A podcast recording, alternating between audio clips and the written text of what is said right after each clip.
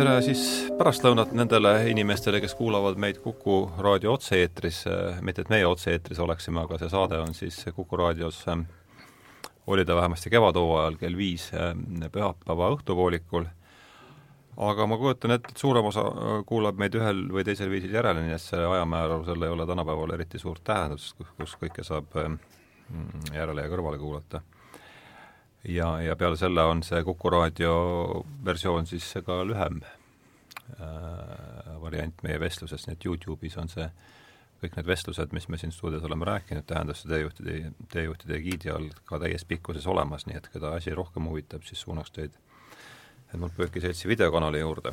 aga täna me oleme siis siin taas äh, kolmekesi stuudios ja nagu on saanud kauniks tavaks, räägime ühest raamatust ja, ja, ja, ja järgime siis traditsiooni ka siin, et ma loen sellest raamatust, mida, millest, millest me siin rääkima hakkame, siis kõigepealt ette väikse lõigu, siis tutvustan saatekülalisi ja, ja siis hakkame arutama asja. nii et siis lõik käsitluse alla tulevat raamatust. kui multikulturalism teeb kultuurilisest identiteedist pühaduse, siis hakkavad indiviidid oma vigu, puudusi või normidest üleastumisi seletama oma kultuuri identiteedi eripäraga. kuna kellegi identiteeti ei tohi kritiseerida, sest kõiki identiteete peetakse olemus, olemuslikult võrdseks, ei panda hälbelist käitumist enam indiviidi süüks, vaid selles nähakse ühiskonnakorralduse viga, mis kultuurilist eri, eripära piisavalt arvesse ei võta. niisugusel hoiakul on kaks kahjulikku tagajärge. esiteks õõnestab see meritokraatia printsiipi, see on õiguste, kohustuste ja tasude seostamist kõige silmapaistvamate saavutustega. on teada, et inimeste saavutusvõime sõltub osalt tema, nende kaasasündinud võimetest, osalt nende perekonna majanduslikest võimalustest ja osalt nende kultuuritaustast, tema etni-, nende etniliste või etnilise või kultuurilise identiteedi tuumväärtusest. mõned tuumväärtuste kogumid kallutavad teistest rohkem töökuse, ettevõtlikkuse, initsiatiivikuse poole. seetõttu loovad säärased identiteedid oma liikmetele jätkuvalt eeliseid teisalt need identiteedid, mille tuumväärtused on vähem orienteeritud rikkuse ja teadmiste akumuleerimisele, jäävad taas tootma vähem edukaid indiviide. jah, võib-olla, võib-olla jätamegi siis sellest esialgu vast piisabki, et äh, vaatame, mis täna Martin Ehala kirjutatud raamatud Identiteedimärgid alapealkirjaga Ühtekuuluvuse anatoomia ja mul on hea meel tervitada siin stuudios siis Martinit ennast, tere Martin ja, ja Tarmot. Äh, teist korda siis äh, meie stuudios, rõõmus taas kohata. et kuivõrd ma olen teinud nii palju näotuid vigu siin oma erinevates saadetes oma saatekülaliste tutvustamisega, siis ma jätan selle keerulise ülesande teie hooleks? Ja ole hea, Martin, räägi endast natukene ja ja Tarmo ka. Äh, ma olen oma esimeselt hariduselt keeleteadlane ja siis tasapisi olen nihkunud sinna keelesotsioloogia poole, et kõigepealt mind hakkasid huvitama küsimused, et kuidas väikesed keeled säilivad või kaovad ja kuna selle teema nagu keskmes nagu üks oluline nagu muutuja ja selline muutuja, mida võib-olla on võimalik muuta nii-öelda ühiskondliku diskussiooni käigus, oli identiteet, siis järjest rohkem läks mu nii-öelda teaduslik huvi selle identiteedi juurde ja siis ja sinna sisse lugedes ma avastasin, et neid nagu teooriaid on tohutu palju. Ja noh, nii, nii ongi läinud nüüd, et, et ma ei, ei saa ennast nüüd päris puhtaks keeleteadlaseks enam, enam pidada, et ma arvan, et ma olengi rohkem selline sotsioloogi, sotsiaalpsühholoogi ja keelesotsioloogi selline segu, et sedalaadi eh, huvid on mul praegu. Ja sina tegid oma doktorikraadi siis meil? Sinna olin juba hirmu kaua aega tagasi, üheksakümne kuuendal aastal Cambridge'is jah, ma olin ja üks esimesi, kes, kes ja noh, nagu sinagi, Ardo, olid ju siis samal ajal seal, nii et olid ikka, olid ikka ajad? olid ikka ajad, me olime seal juba nagu tuttavad sellest ajast ja sa olid ju kõige kuulsamas kolledžis veel seal, selles kõige kuulsamas ja kõige ja, rikkamas kolledžis. jaa, Trinity ja ta andis mulle äh, selle stipendiumi, mida ma ise ei küsinud, ta nagu mm -hmm lihtsalt andis selle mulle, mille eest ma olen nagu hirmus tänulik ja nüüd toetan Trinitit, et ta saaks anda selliseid asju teistele ka. mina olin ju linna, linna ääres ja vaatasin siin kadeda näoga pealt. no jah nii, täis vimma noh, Tarmo oli jala. selle, sellel ajal, kui härrad äh, Cambridge'is äh, toimetasid, siis olin mina äh, Eestis tavaline pankur, ehk et minu nimi on Tarmo Jüristo, minu esimene haridus on Tartu Ülikoolist rahanduse ja krediidi alalt, mille ma lõpetasin vist üheksakümne teisel või kolmandal aastal, kumb neist oligi, aga et siis läksin äh, isegi veel enne lõpetamist Hansapanka tööle, äh, kus äh, mingil aastal ristusid meie teed Ardoga, et kui Ardo oli Hansapangas majandusanalüütik mm, ja siis Ardo liikus sealt vist edasi SEB-sse, millalgi EBS-is ma läksin Toompeale ja sealt Pricewaterhouse ja mina müttasin panganduse radadel, sealt siirdus natuke siis aega hiljem kuskil üheksakümnendate keskpaigas investeerimispangandusse ja siis müttasin seal suurema osa ajast kuni, põhimõtteliselt kuni kahe tuhande üheksanda aasta kriisini välja.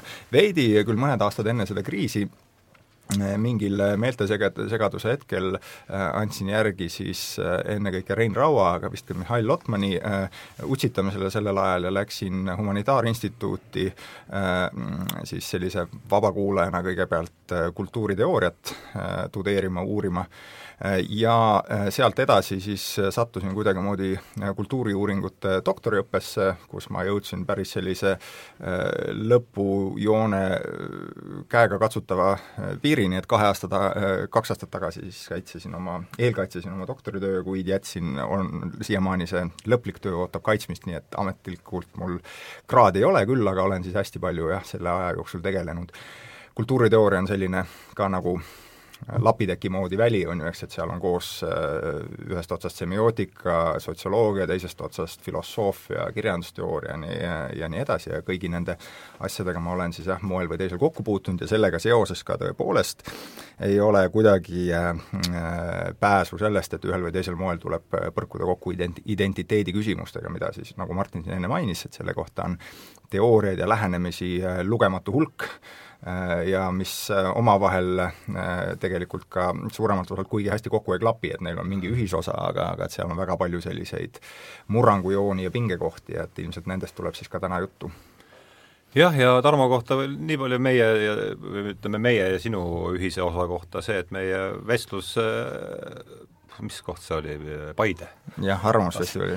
see nii-öelda Raplaga on teine, kes, et oli üllatavalt populaarne ja, ja ma ei tea, seda võib vist ikka öelda, et äh, leppisime kokku, et äh, kevadel siis äh, jätkame seda samas koosseisus koos siis Andor Samostiga küll ERR-is nagu vestluse, vestluse vormis, mis plaanis oli, kas neli-viis vestlust oli vist plaanis? viis vist leppisime praegu kokku ja vaatame, kuidas sealt tuleb, jah. ootan põnevusega seda, et see on, et ma olen seda meelt, et järjest enam seda meelt, et kui meie probleemidel on üldse mingi lahendus siin, et siis see, need selguvad vestluses ja rahulikus arutelus, mitte Facebookis jauramises.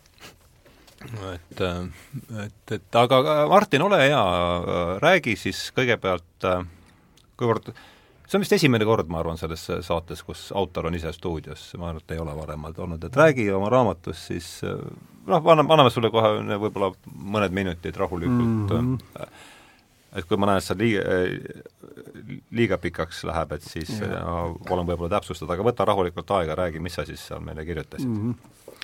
et ma e, tavaliselt ei olegi väga pika jutu inimene ja et kõigepealt noh, kogu see raamatu mõte või, või üleüldse see hakkas idanema umbes nagu kümme aastat tagasi, kui ma just nimelt sellesama äh, nagu väikeste keelte säilimise ja püsimisega seoses tahtsin aru saada, et mis asi see identiteet siis on.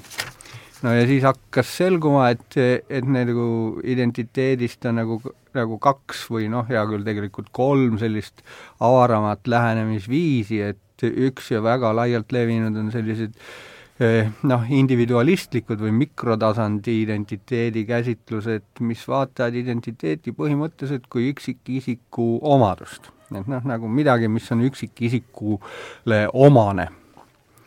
ja siis on üks, on, on teine täiesti suur selline nagu noh, hulk teooriaid, mis vaatab identiteeti kui konstruktsiooni, sedasama sotsiaalset konstru-, noh, nii, millest palju on siin juttu olnud ka Eesti avalikkuses, et mis need sotsiaalsed konstruktsioonid on ja, ja selles teises äh, nii-öelda makrotasandi lähenemises nad ongi sotsiaalsed konstruktsioonid ja need siis on oma olemuselt nii-öelda inimestevahelised ühised nagu teadmised. Need on lihtsalt grupiidentiteedid see nagu aga põhimõtte, vaat siin ongi nüüd, kus ma arvan, et üks minu teooria selliseid nagu noh, uuenduslikke samme on see, et et, et ma nagu püüan need kaks tasandit ühendada, eks mm -hmm. ole, et mingil tasandil äh, on indiviidile omane identiteet, aga, aga samas, eks ole, nagu enamik identiteeti ja minu teooria väidabki, et kõik identiteedid on sellised ühised jagatud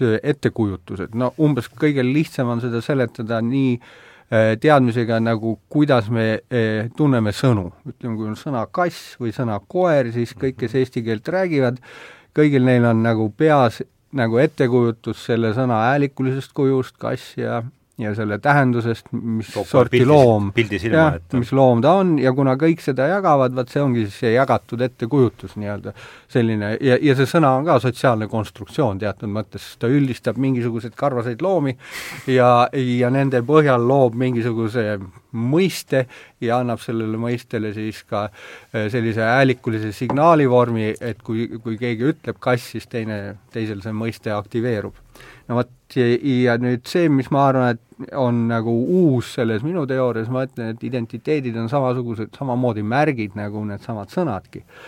ja et kui e, kellelgi inimesel on mingi identiteet, siis kõik need identiteedid on jagatud, nagu me jagatud ühiskonnas, nagu noh, me põhimõtteliselt teame, kes on eestlane või kes on venelane või kes on mees või kes on naine, ja kui keegi inimene siis tuleb ja mingil viisil signaliseerib seda, et ta on mees või naine või eestlane või venelane, see on erinevad sellised empiirilised signaalid, noh, ABE-s nagu vaatad, ahah, see on mees ja, ja nii edasi, nii edasi, eks ole. et siis, siis samamoodi toimub kommunikatsioon nende identiteetide tasandil, ehk siis igal identiteedil on selline empiiriline pool, mida, millega signaliseeritakse, kes sa oled selline ja, ja, ja siis võib rääkida ka personaalse identiteedi puhul, näiteks Martin Ehala äh, identiteet ei ole mitte see, mis, kes ma äh, olen nagu olemuselt, vaid Martin Ehal on see, mida ühiskond arvab, et mis see Martin Ehal on ja sinna kuulub siis minu väljanägemine, noh, minu hääletoon, kes mind paremini teavad, minu vaated, mida ma olen väljendanud kas meedias või kuskil, nii et ühesõnaga, kogu see ettekujutus minust on nagu jagatud teadmine, et nagu Hardo, sa tead, kes Martin Ehala on, kui, kui sa nagu kuuled mu häält, siis, siis nagu sa tead, et see on. ikkagi sinna ühise jagatud ettekujutuse no vot, täpselt ole. nii, ja ma väidan siis, et personaalsed identiteedid on samamoodi et nad on nagu jagatud äh, teadmine, mis tähendab see, et mina ei, ei ole see, kes ma olen, vaid mina olen see, mida ühiskond arvab, kes ma olen. ja, mm. ja põhimõtteliselt, kui keegi suudab siis signaliseerida mind nii, et ära petta, noh, ühesõnaga näeb välja nagu mina ja, ja Ardo ütleb tere, Martin, ja, ja ta teab, et ta ei ole mina, aga siis, siis ta saab nagu olla mind, ühesõnaga minu identiteet ja mina ei ole sama asi ega tuleb mulle meelde see, te olete mõlemad ju kirjandus, Polandi kirjandusteadlased no., see avastus, et et Shakespeare'i teosed ei kirjutanud üldse Shakespeare, vaid hoopis üks teine mees, kelle nimi oli Shakespeare. no vot, võib nii, aga hea näide on ka Prints ja Kerjus kirjandusest, eks ole, et kuidas põhimõtteliselt on võimalik indiviidid identiteetide all ära vahetada ja, ja identiteedid on need, mida ühiskond teab, sa oled kuningas või prints, sa oled Kerjus ja see ei ole tähtis, kes selle all on et, et põhimõtteliselt kui nad näevad piisavalt sarnased välja, siis nad võivad need identiteedid ära vahetada see võimaldab ka identiteeti varastada. see ühine jagatud ettekujutus on see, mis, kolm sõna, mis mulle praegu siit kirja sai nagu selle jutu ma arvan, et see on üks nagu võtme, võtme oluline osa, jah ja. ja.. aga et siis jah, indiviidi tasandil kui sa tahad olla keegi, näiteks kui sa tahad olla eestlane või kui sa tahad olla mees või naine, või kui sa tahad, et ühiskond sind tunnistab mehena või naisena, siis sa pead nagu välja nägema ja käituma nagu mees või naine, vastama, vastama sellele ettekujutusele mm -hmm. ja vaat siis ongi, et see indiviidid loovad neid sidemeid emotsionaalseid ja ühine ettekujutus on sotsiaalne konstruktsioon sellepärast, kuivõrd ta on ühine, eks. jah mm -hmm., et sinna sa midagi parata ei saa, kui mehe ettekujutus on selline, kui tahad, et sind tunnistatakse mehena, siis siis näe välja, käitu ja ole nagu mees, vastasel korral või, või või hakata ajama juttu, et see ettekujutus mehest on vale. jah, noh, see on ka, sest kuna see on konstruktsioon, see on nagu paindlik, see, see ju muutub ajas, eks mhm. ole noh, see, äh, see teoor-, teoreetiline osa, mis on jah, suur osa sellest raamatu keskpaigast ja millele tegelikult ju see raamatu pealkiri viitab, identiteedimärgid, et see, äh, sealt paistab minu jaoks selgelt see äh, lingvisti taust no, ja siis semiootiline taust, mis,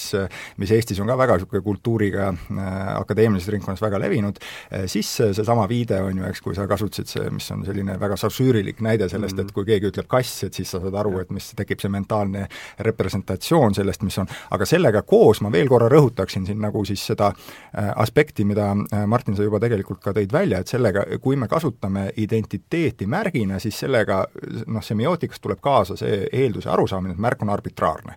et see on see, et, et mis ei ole kuidagi olemuslik äh, selle asja kohta, vaid see on kokkuleppeline, et me ütleme, et see on see, kuidas me seda tähistame ja siin me nüüd vastame erinevalt asjast, mis oleks nagu olemuslik või no, tähistatavast? Äh, ma ei ole selle teie organi kursus, te peate mind natuke siin jälle aitama. semiootikute seisukoha pealt jah, tõesti on see, et eelduseks see, et sul on olemas objektiivne maailm, kus on olemas asjad ja asjad ja objektid, mis on nii-öelda diskreetsed ja eksisteerivad sõltumata vaataja olemasolust või mitte mm -hmm. olemasolust, eks okay,. ja nüüd, kui me maailmas siis neid asju, nende asjadega kokku puutume ja tahame nendega kuidagimoodi üheskoos äh, suhestuda, siis selleks me kasutame keelt ja siit tuleb noh, tegelikult see läheb väga huvitavatele teedele, see on lõpuks ka seesama see kuulus Ludwig äh, Wittgensteini privaatkeele argument, et kas sul on võimalik viidata asjadele nii-öelda nagu privaatses keeles, et äh, kas mm. see, kas sul on olemas sellist asja nagu privaatne keel. Äh, see on omaette pikem teema, võib-olla sinna täna ei, ei lähe, aga et, et kui see semiootika eeldus on see, et see märgisüsteem on jagatud, et, et me mõlemad peame jagama seda märgisüsteemi, et me saaksime edukalt viidata sellele samale asjale ja öelda, et, et noh, et see on nüüd, see on kass, eks. Noh, siin on, tekib ka kõik laadi keerukusi, et ütleme, kass on võib-olla niisugune lihtne asi, aga et antropoloogid äh, kahekümne sajandi algusest äh, tõid välja väga, äh, väga suure hulga huvitavat materjali, näiteid sellest, tegelikult juba üheksateistkümnenda sajandi indiaani keelte uurimisega seoses see, et, et kuidas erinevate keelte struktuurid on erinevad ja need eriti noh, näiteks kui me räägime värvide üleminekutest, on ju, või tegusõnade kasutamisest, siis nad ei kohaldu maailmale sugugi nii, nagu kao, kaovabalt või otseselt, kui, kui meil meeldib mõelda siis, kui me oskame ainult ühte keelt jällegi Indoeuroopa keeled on suhteliselt sarnased omavahel oma ülesehituse struktuurilt, aga et noh, indiaani keelte puhul olidki inimeste nagu esimesed jahmatused seotud sellega, et, et sul võib olla näiteks erinev verb kasutusel noole laskmise kohta, sõltuvalt sellest, kas sa tabasid või mitte, eks, et, et see on mhm. erinev tegevus. kuna see on nii oluline tegevus. jah, samamoodi mm -hmm. siis nagu sellise äh, värvide äh, ülekandmine ei ole sugugi lihtne, et, et noh, tegelikult hea näide on see, et, et Homeroses viidatakse, Homeros viitab siis korduvalt jõuavad nii Odusseias kui äh, Iliases äh, merele ja noh, see on veel ka sellest värsimõõdust tingitud, aga ta ütleb, et see on nagu veinipunane meri, on mm., on kreeka keeles. ja kui sa vaatad, käid läbi kogu siis nagu selle äh, Homerose mm, säilinud siis kirja, kirja, kirjalikult säilinud pärandi, siis seal ei ole sellist sõna nagu sinine mm.. et, et meri oli teatud tüüpi punane Äh, ja nüüd see on nagu hea küsimus, on ju, eks, et, et kui meie, äh, kui ühes keeles on sinine olemas, teises seda ei ole, et kuidas sa siis viitad, siis see on, ma rõhutan sellega seda arbitraarsuse punkti. ja miks see on oluline, see on oluline sellepärast, et tulles tagasi nüüd selle juurde, et kui sa ütled, et et justkui defineeritakse ümber, et mis on mees või naine, sellist asja märgi tasandil, mis on päriselt mees ja naine, ei olegi olemas. mees on arbitraarne no, märk sellepärast, et see on äh, sotsiaalne kokkulepe. jah, et millega sa lepid kokku. ja see viib meid nagu, mm, ma teeks ühe nurga veel juurde ja siis lähme edasi, mul oleks siin veel palju-palju asju öelda. aga huvitaval kombel äh, see viib meid teise sellise äh, ühe sellise olulise autori juurde, kelle suhtes näiteks Jordan Petersonil on palju, palju halbu asju öelda, on Judith Butler, äh, kes siis just nimelt rõhutab see feministliku nurga, nurga ja tema kõige sellisem originaalne, olulisem esimene kontributsioon sellesse teooriasse, mis, millega ta ka kuulsaks sai, oli siis raamat, mille pealkiri Gender Trouble, ja kus ta toob välja ja ütleb, et sugu on performatiivne ja ta lähtub nagu tegelikult samamoodi sellest, et ütleb, et see noh, ta keerab see teistpidi, ta ei keskendu sellele, et see on märk, vaid ta ütleb, et sugu on see, kuidas me käitume, kas me, kuidas me vastame mingitele ootustele. Ja tema argument, mida hästi lihtsustatult ta on, noh, kirjeldab seda palju keerulisemalt, aga kui mina olen seda üliõpilastele õpetanud, siis ma olen püüdnud seda kokku võtta nii, et öelda, et vaata, et kui me igapäevases elus mõtleme nii, et et ma lähen koridoris, ma pean WC-sse minema, seal on kaks ust, ja nüüd ma valin ühe ukse, kus on see kolmnurga terav tipp allapoole, sellepärast et ma identifitseerin ennast mehena. siis see performatiivne sooteooria ütleb, et me saame meesteks või naisteks läbi nende valikute. ehk et läbi selliste nagu sooliselt kodeeritud performatiivsete valikute, et kuidas me, kas me kanname habet, kas me kanname juukseid mingil moel, milliseid rõivaid me kanname, kuidas me käitume mingites olukordades, mis on sooliselt kodeeritud, sest noh, tegelikult WC-ga on sama asi, et, et noh, sõltumata soost me lähme sinna sama asja tegema. Ja et miks, miks ma peaks valima ühe, mitte teise ukse, et see on tegelikult siis selline nagu kultuuriliselt kujunenud norm, mis liigendab mind meheks või naiseks ja see on üks minu arust huvitav see tähendab seda, et oma käitumisega ma näitan ära, selle signaali, kas ma olen mees või naine, näitab ära mu käitumine. saan ma õigesti aru? see on täpselt see, mida Martin tegelikult enne ütles, on ju, eks, et me täidame nagu seda märgi poolt kehtestatud rolli selleks, et kinnitada oma identiteeti. ja selle, teistpidi öelduna, see on see, et sugu on performatiivne. jah, see on täiesti kindlasti nii ja vot huvitav asi on see, et inimene ühiskondliku loomana on tõesti valmis tegema seda, mida ühiskond ütleb. nii et kui ühiskond nagu, nagu tõesti survestab nagu mehi käituma kuidagi täiesti nii, nagu me ei ole harjunud, siis ma olen, olen kindel, et teatud ühiskondliku surve tingimustes mehed hakkavadki nii käituma ja naised hakkavad käituma teisiti. nüüd iseküsimus on see, et kas see teeb neid õnnelikuks no see on totalitaarsete ühiskondade ju jah, täpselt, las ma, las ma räägin selle mõtte lõpuni. nüüd küsimus siis on selles, kas mehelikkuses ja naiselikkuses on ka midagi bioloogilist mm? -hmm. ehk ja, kas objektiivne maailm on olemas, millele et kas mingil moel objektiivne reaalsus mõjutab seda või mismoodi me selle märgi kujundame, sest selge, et märk on sotsiaalne konstruktsioon ja see ühiskond lepib lepib selle kokku. Ja ta võib selle tõesti kokku leppida niipidi ja naapidi ja kolmandat viisi.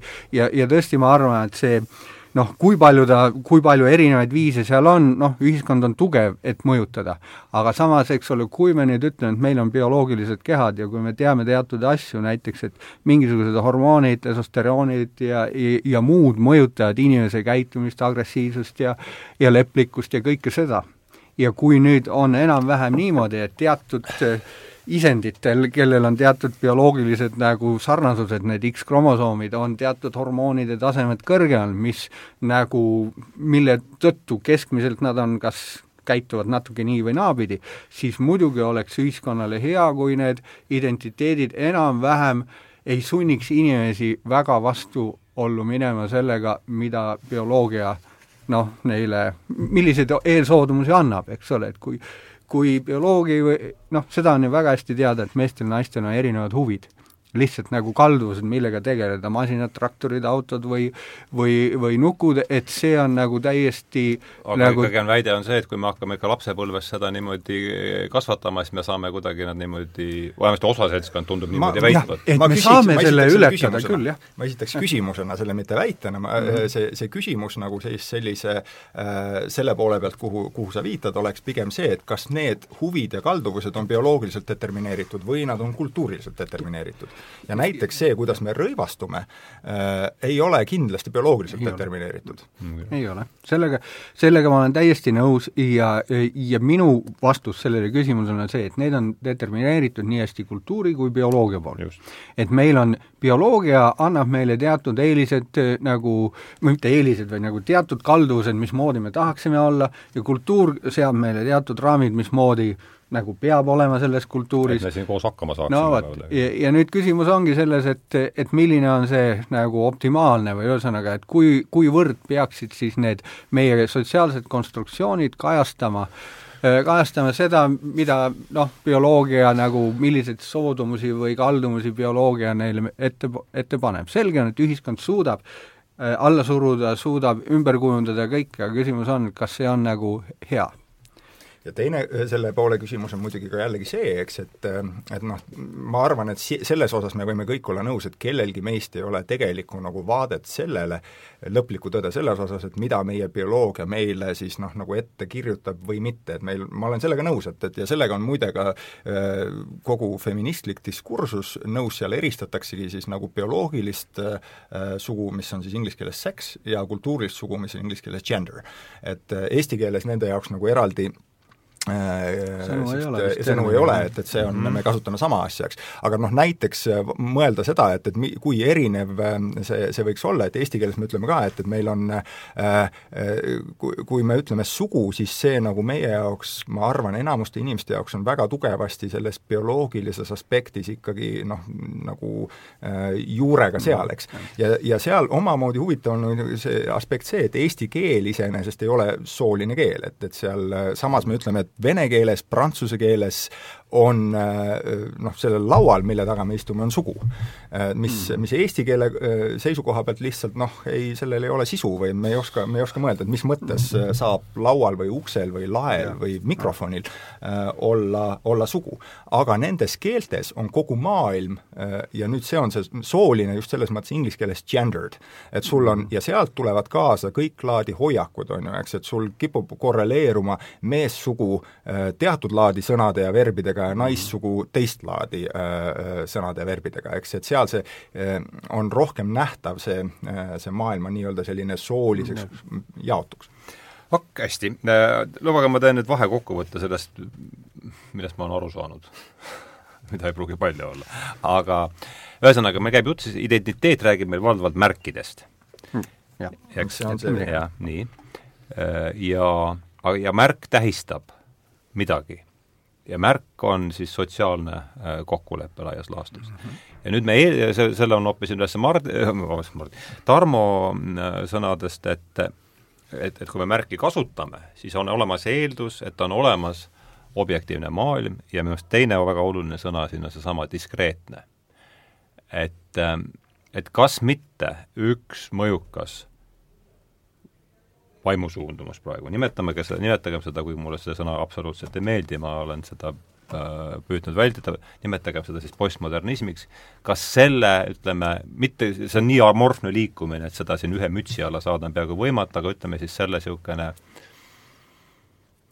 nimetame seda niisuguseks agaramaks avangardiks, kas see mitte ei sea seda nagu ka kahtluse alla, et punkt üks, objektiivne maailm on olemas ja isegi kui ta olemas on, võib-olla isegi seda, aga ta ei ole diskreetne, nii et see, et et see, seesama näide, et mees, see bioloogiline sugu on, eks ole, noh, diskreetne, äh, selles me peame võib-olla see kes seda täna usub? kes seda täna usub, jah, kas sina usud? mina usun seda äh, usud, usun. et on diskreetne? et seal ei ole vahepealset nagu üleminekut äh,?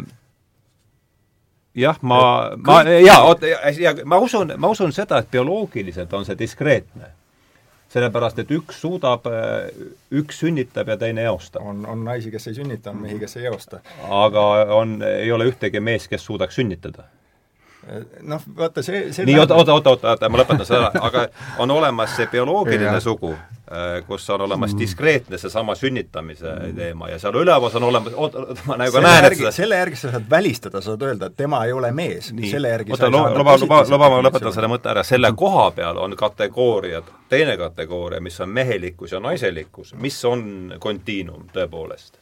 Mm. ja, ja mulle tundub, et see võtab natukene kokku sellesama asja, millest siin jutt käib et, et et punkt üks, seatakse alla, seatakse kahtluse alla objektiivse maailma olemasolu. Ja punkt kaks, selle objektiivse maailma diskreetsus, ma võtsin, tõin siia ainult selle. Ja, ja kas siin ei käi üldse jutt laias laastus mitte sellest, et kuhu need kus need, kas piirid on ja kas piire üldse peaks olema, nii et laseme kui tohib, ma teeks ühe terminoloogilise täpsustuse enne, siis ma hea meelega annaks Martinile, ma ütleks seda, et, et see postmodernismi asi, mis sa siin ütlesid äh,, siin on natukene nagu lähedased ja seotud asjad, aga tegelikult äh, see asi, mille äh, kui ma enne rääkisin sellest, et semiootikas on see noh, nii-öelda klassikalises semiootikas vaikimise eeldused on olemas objektiivne ja diskreetne maailm, millele siis nagu märgid viitavad rohkem või vähem täpselt, siis see äh, laiemas äh, mõtte äh, ajaloos selle koolkonna nimi oli strukturalism. et mille raamidesse semiootika pai- äh,, paigutus. mille rünnak vastureaktsioon sellele ei olnud mitte postmodernism, vaid poststrukturalism, mis jah. ühe koolkonnana kuulub postmodernismi alla, eks, aga et nüüd poststrukturalismis omakorda on terve hulk erinevaid äh, koolkondi ja seal tõepoolest selleks kriitikaks, see, miks poststrukturalism äh, kriitikana tekkis strukturalismile, oli see tähelepanek, et need, et maailm ei ole nii äh,, ei jagune nii diskreetselt äh, nagu strukturalism seda vaikimisi justkui eeldab, eks.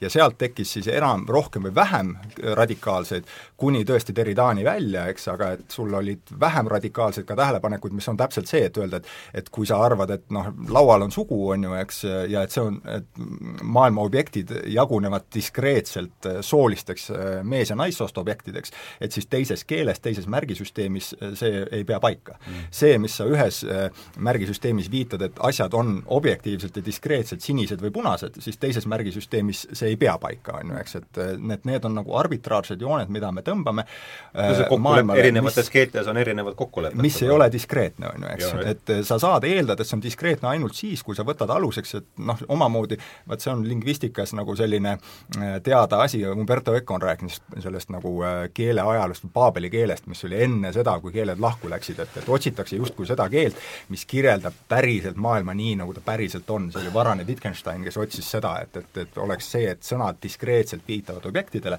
aga see äh, poststrukturalism oli selline kriitika, aga ma nüüd hea meelega annaks jah, Martinile mm, edasi, tal on siin ilmselt äh, enda jah, et siin, see oli väga hea sissejuhatus siia ja, ja selles diskreetsuse küsimuses tõesti, postmodernism ütleb, et diskreetsust ei ole ja ja, ja ma olen sellega päri, nii et ma äh, ei, ei nagu ei ütle, et nagu meessugu ja naissugu on nagu diskreetsed, oot-oot, las ma nüüd nagu seletan kohe selle asja ära. nii, nii et, et absoluutselt nagu kindlasti on nagu bioloogiline varieeruvus maailma nagu, nagu neid nagu isendeid, kui me hakkame mõõtma isendeid, inimisendeid, siis me leiame seal kindlasti mingisugust normaaljaotusega, et teatud hulk on nagu suhteliselt sarnased ja siis tulevad mingisugused, mis on nagu vähem sarnased ja hakkavad sarnasema mingisugusele teisele ja siis tuleb jällegi mingisugune teine hulk, mis on teistmoodi. nii et nagu kindlasti nagu see, mida me peame meesteks ja naisteks, seal vahel on mingisugune hulk isendeid, kes ei ole prototüüpselt kumbagi moodi või on seal vahepeal. nii et see on nagu bioloogiliselt, ma usun, et see on nagu fakt. nii et sa sead kahtluse alla selle, et bioloogiliselt mees ja naine on olemas? Äh, nii, ma see, nii, oot-oot-oot. ei, ma tahan lihtsalt aru on, saada. on kindlasti olemas nagu prototüüpne mees ja prototüüpne nee. naine ja see moodustab enamuse populatsioonist. aga see on meie ettekujutus, mitte ei, reaalne tõsiasi? see on reaalne tõsiasi, aga see, et see oleks diskreetne, et seal oleksid kõik ainult mehed ja kõik ainult naised, et selle, sellega ma ei ole nõus. kuidas me jällegi diskreetsusest nagu jällegi, kuidas me diskreetsust defineerime, mis on omakorda sotsiaalne konstruktsioon no.. no, no ühesõnaga, kui nüüd eh, teha nagu seda vahet, et näiteks kuld ja hõbe, eks ole mm, -hmm. et mhm. keemilised elemendid, et seal tõesti on diskreetsed, kõik kullatükid seal on, on, aga mehe-naise puhul ei ole? jah, täpselt, bioloogias ei ole, ka liikide puhul. sellest loogika, ma ei, ma tõesti, ma ei saa aru sellest. ja liikide, ja siin raamatus loe ka, mul on sellest nagu seal kategooriates kirjutatud, liikide puhul on sama, Linné arvaski, et ongi diskreetsed liigid ja kui leidis isendeid, kes ei sobinud liiki, tegi alamliigi. niikaua, kui siis lootis, et suudab kõik ära klassifitseerida, aga hiljem on nagu selgunud, on selliseid, kes ei moodusta alamliike et nagu nende liikide vahel on mingisugune hulk isendeid, kes ei kuulu ei ühte ega teise. ja et liigid on pigem nagu perekondliku sarnasuse alusel mm.. nii et nagu, et kui me räägime mehest, siis see on, et seal on nagu meest iseloomustab teatud hulk tunnuseid, võib-olla minul on midagi puudu, on ülejäänud ja ikkagi piisavalt, et mind pidada suhteliselt normaalseks meheks, aga võib-olla on teised, kellel on nagu vähem tunnuseid. me võime kohe ühe huvitava katse teha, millega ma olen tegelikult teinud, muide üks soo, äh, bioloogilise soo tunnuseid mm. on äh, sõrm sõrmuse sõrme pikkus. Et see, see on, see on hea näide minu jaoks. enamusel äh, meessoost populatsioonil on sõrmuse sõrm pikem kui nimetissõrm mm. -hmm. enamusel bioloogilistel naistest on nimetissõrm pikem kui sõrmuse sõrm. ja see on, see on üks selline tunnus, mis on ja. täpselt selle perekondliku äh, äh ja, ja, ja, ja see, see tunnus muuseas on, on seotud nende samade hormoonide ja, tasemega, sõltub sellest, kui loote arengus no, kui jah, palju aga sõrmue pikkus on nüüd ikkagi ma tuletan aga Ardo, kuule, ma, ma räägin nüüd edasi, et sa saaksid ka natukene nagu et, no, ka, et, et, et sa saaksid rahu. et sa saaksid ka rahu. ühesõnaga, et bioloogiline maailm on tõesti nagu variatiivsust täis. nii, nõus. No, aga... see on see, mida öeldakse, et loodus ei tee hüppeid, kes see on see tarkpea, kes seda no võib-olla enam-vähem nii. aga selge on see, et inimesed kui nemad tahavad nagu ühiskonnas toimida, nemad kategoriseerivad ja nemad mhm. teevad omale kastid.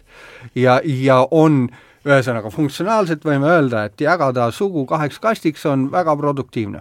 seepärast, et ta siis nii-öelda sotsialiseeriv osa selliseid vahepeal olevaid isendeid nagu mm -hmm. noh, noh, nagu kuhugi suunda ja enam-vähem inimene saab hakkama ja, ja on nagu õnnelik, ütleme, kui puberteedi ajal nagu inimene ei saa aru, mis minuga juhtub, kelleks, kes, kes ma olen, eks ole, siis ühiskond ütleb, ära muretse, sinust tuleb mees, ära muretse, sinust tuleb naine ja enamasti tulebki nii.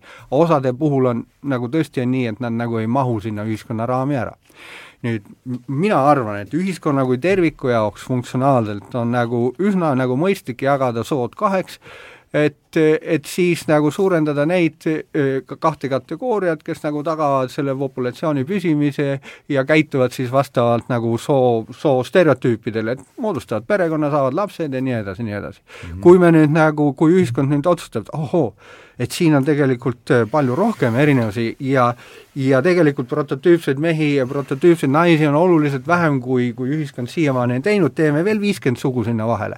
siis ma arvan, et pikas perspektiivis see ühiskond lihtsalt ei ole eh, jätkusuutlik, seetõttu et eh, no ma siin ütleks, et rahvustega umbes nii juhtus küll, et no.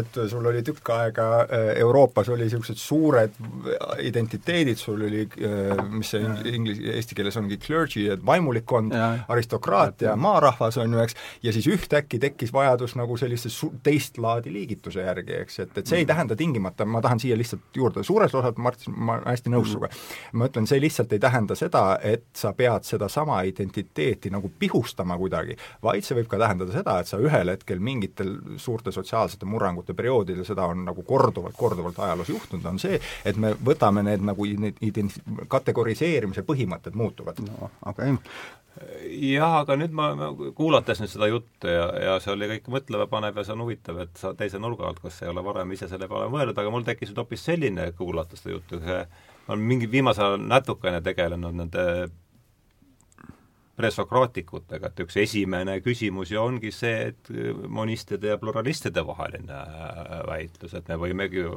ja, ja kes nad seal kõik olid, Parmenides ja need ütlesid, et kõik, kõik lõppude lõpuks, kõik kokku, mitte ainult mees ja naine ei ole üks, vaid kõik ongi üks. see ongi lihtsalt üks äh, üks jagamatu ja siis nad vaidlesid seal selle üle ja nad vaidlesid seal selle mm. üle, et mis siis on see, üks väitis, et see on vesi, teine väitis, et on äh, jumal, jumal teab mis, ja teised väst-, ja teised ütlesid, seal jutt käib siin sellest metafüüsilisest alusreaalsusest, eks no., et nojah, selle, selle, ütleme selles äh, raamistikus ma ostaksin selle jutu ära, et, et noh, tõepoolest mees ja naine ja ja kivi ja ja kivi ja, ja, ja põder ja kõik on üks ja, ja no kui sa oma... sellele, sinnakanti lähed, ma lükkaks selle nagu sammu edasi Parmenidesest, ütleks, et tegelikult sealt Parmenides asetub ka sellesse konteksti, kuhu äh, nii-öelda filosoofia ajaloos tõmmatakse see joon tavaliselt siis sinna, kust meil on kirjalikud äh, materjali veidi rohkem äh, ja otseselt, otsesemat materjali, ehk siis äh, Platoni ja Aristotelese äh, juurde ja kus äh, see veelahe äh, siis sellel, sellisel moel välja joonistus ja mis jookseb tänaseni välja, on siis nii-öelda realismi ja nominalismi äh, äh vastandus. ja äh, realismi koha pealt, äh, realismi koolkonda kuulub Platon, äh, kelle äh, seisukohalt oli siis see, et need noh, need ideaalid on reaalselt eksisteerivad mm -hmm. asjad, et sul on olemas puuideaal, sul on mehe ideaal, sul on naise ideaal ja maailm on täis nende ideaalide nagu selliseid ebatäiuslikke representatsioone, kehastusi, eks. ja nüüd teine Aristotelese äh, kriitika oma õpetaja Platoni suhtes oli siis see, ütles ei, et selliseid ideaale, need ei ole olemas, need on mentaalsed representatsioonid, millega me äh, kuidagimoodi kategoriseerime ja haldame maailma variatiivsust mm, -hmm. maailma lõpp, lõpmatut mm -hmm. variatiivsust. ja nüüd see on asi, mis jookseb läbi keskaja, modernismi, postmodernismini tegelikult välja, see on see, et kus on tegelikult ka vaat see noh, seesama, mis ma olen korduvalt öelnud, et ma ei taha hakata arutama, vaidlema Jordan Petersoni üle, aga Jordan Peterson on realist, et tema on seal, et ta ütleb, tegelikult on olemas päris asjad, nagu need meie arusaamad, mees ja naine on päriselt diskreetsed erinevused ja nüüd maailmas on olemas ka selliseid ähmaseid nagu erinevu-, erinevaid vahevorme seal, eks, aga põhimõtteliselt reaalsus on see, et need asjad on olemas. nojah metafüüsiliseks, see ongi, oleme tasapisi jõudnud sealt mehe ja naise juurest sellise metafüüsikani välja minu meelest, et aga ma, üks, ma lihtsalt nopin selle siit üle veel selle, et kui sa ütled, et Platon ütles seda, et vormid on reaalses maailmas olemas, väga huvitav minu jaoks ja, ja võib-olla ma natukene kand-, lähme siit ühe sammu, siis tuleme, see on päris huvitavad asjad minu meelest. et kui vormid on reaalses maailmas olemas, siis tekib minu meelest küsimus, et mis on reaalne maailm, kas Platon ei ütle mitte seda, et, et vormid on väljaspool aega ja ruumi no ongi. eks ja, ole, nii et see, see, selles tähenduses reaalne maailm on äh, see, see on see, mida Augustinus räägib, et, et sul on kaks, kaks linna, et sul sildad, et ei, jumala, jumala linn on see, mis on päriselt olemas. see on asi muide, mis viib väga huvitavatele maadele, et, et ja, näiteks selline kahekümne sajandi, kahekümne sajandi kõige kuulsam loogik Gödel, Kurt Gödel mm, -hmm. oli matemaatiline platonist kõige nagu rajumas mõttes, on ju, eks, et tema jaoks oli see, et, et mida matemaatikud teevad, et nad ei avast-, nad ei eh, loo uusi nagu seoseid, vaid nad avastavad olemasolevaid olevaid äh, seoseid maailma. tema jaoks on pi reaalselt olemas Mm -hmm. et see on see ja ring on pi nagu selline graafiline representatsioon, on ju, eks mm. -hmm. on olemas eh, noh, Pythagorase teoreem ei olnud mitte miski, mille Pythagoras välja mõtles, vaid et see oli nagu abstraktselt olemasolev asi, et matemaatikud avastavad seda umbes nagu noh, nii-öelda Columbus avastas Ameerika, et see oli enne olemas, ta läks sinna ja avastas. nagu juuras on täpselt samamoodi, ütleme ta, tavaõiguse loogika või see common law loogika on ju see, et mitte ei tehta seadusi, vaid avastatakse mm -hmm. seadusi, eks, kõik tuleb sellest, aga Martin pole nüüd tükk aega saanud sõna, räägi, räägi ka midagi et just eh, nii-öelda nende samade nagu diskreetsete kategooriate või mittediskreetsete kategooriate puhul, et on päris nagu vältimatu, et eh, inimesed ei saa ilma kategooriatega hak-. ei ole võimalik. ei ole vaja, et on vaja kategoriseerida e,. keegi meist ei tea päris täpselt, milline reaalsus on, eks ole, me ei tea isegi seda, kas Platonil on õigus või Aristotelil on õigus et me valime seal või, või teiselt pidi, nii et me peame tegema kategooriaid me teeme neid mi-, millestki lähtudes, eks ole. ja nüüd küsimus on, et miks me kategoriseerime, et kui me nüüd võtame täiesti sellise nagu päevakajalise sellesama mehe ja naise küsimuse, eks ole, tõesti, on võimalik kategoriseerida nii, et on mehed ja naised ja me lihtsalt nagu hoiame silmad kinni nende suhtes, kes nagu jäävad sinna vahele ja kes natukene vähem eh, nagu on hälbelised, et need me lihtsalt nagu äh, sotsialiseerime. mitte väärtuslikus vaid, vaid, vaid selles variatiivsuse no ikkagi selle, selle vormi suhte, ütleme Platoni vormi suhtes äh, hälbeliselt. see on variatiivsus no,. variatiivsuse suhtes, kes nagu sellest nii-öelda keskmisest nagu kaugemale, et need siis kes on vähem keskmisest erinevad, need nagu kergemini ühilduvad ja meil on siis nagu kaks kategooriat, millega me saame hästi hakkama. samas tõesti, eks ole, võib mõni teine ühiskond leida, et vaata, tegelikult tõesti variatiivsus on suur, meil on siin lisaks prototüüpilistele meestele, prototüüpilistele naistele veel, eks ole, X äh, nagu sorti inimesi, et teeme nendele kategooriad. või noh, ühesõnaga hakkame neid kategoriseerima teisiti, siis okei okay,, teeme nii, ühiskond võib seda teha, eks ole, see on kokkuleppe küsimus, mismoodi me kategoriseerime. küsimus on see, minu meelest, mina olen funktsionalist ja ütlen, et kategooriad peavad meile aitama nagu paremini hakkama saada, eks ole, kategooriad peaksid, mina olen vähemalt seda meelt, kategooriad peavad objektiivselt nii hästi, kui me suudame kajastama tegelikku reaalsust või ühesõnaga, ja nii hästi, siis küsimus on, mis mõttes nii hästi, kas nii objektiivselt, kui, kui öelda, et nagu objektiivselt, siis tõesti äkki igaüks peaks olema eraldi kategooria, et kui me tahame absoluutset täpsust saavutada. aga küsimus, kas meil on vaja absoluutset täpsust?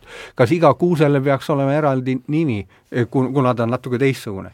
Siin ma lihtsalt vahel märkasin ühes saates, see oli vist viiendas saates, olid siin kaks äh, ökoloogi, Martin Soober ja Ülo Niinemets ja see oli jutt, ma ei tea, kes see oli, kes seal avastas seitsekümmend üks liiki hunditubakat, et, et see läheb okay. sinna, see läheb sisuliselt sinna kanti. Okay. aga las ma nüüd lähen selle asja nagu tuuma juurde, nüüd küsimus on, et, et, et miks meil oleks vaja, et miks me eelistame kahelist jaotust, mees ja naine, miks me eelistame või miks me võiksime tahta jaotust, kus on viiskümmend eri kategooriat. Ja me peaksime arutama sellega, mille poolest on see hea. Ja ma nüüd küsin, mille poolest on hea, kui meil oleks viiskümmend eri äh, sookategooriat, noh, tüüpi, tüüpiline mees ja naine ka sealhulgas, aga siis kõik need äh, päikesejänkukesed ja, ja mis, mis need nagu on, sellised äh, on neid ju välja mõeldud palju, eks ole. mille poolest see on nagu äh, eelistatum kui see, et meil on kaks jaotust ja noh, nagu on olnud nagu pikka aega, eks ole, vot, vot siit võib-olla arutaks seda, et nagu mille poolest nüüd see uus,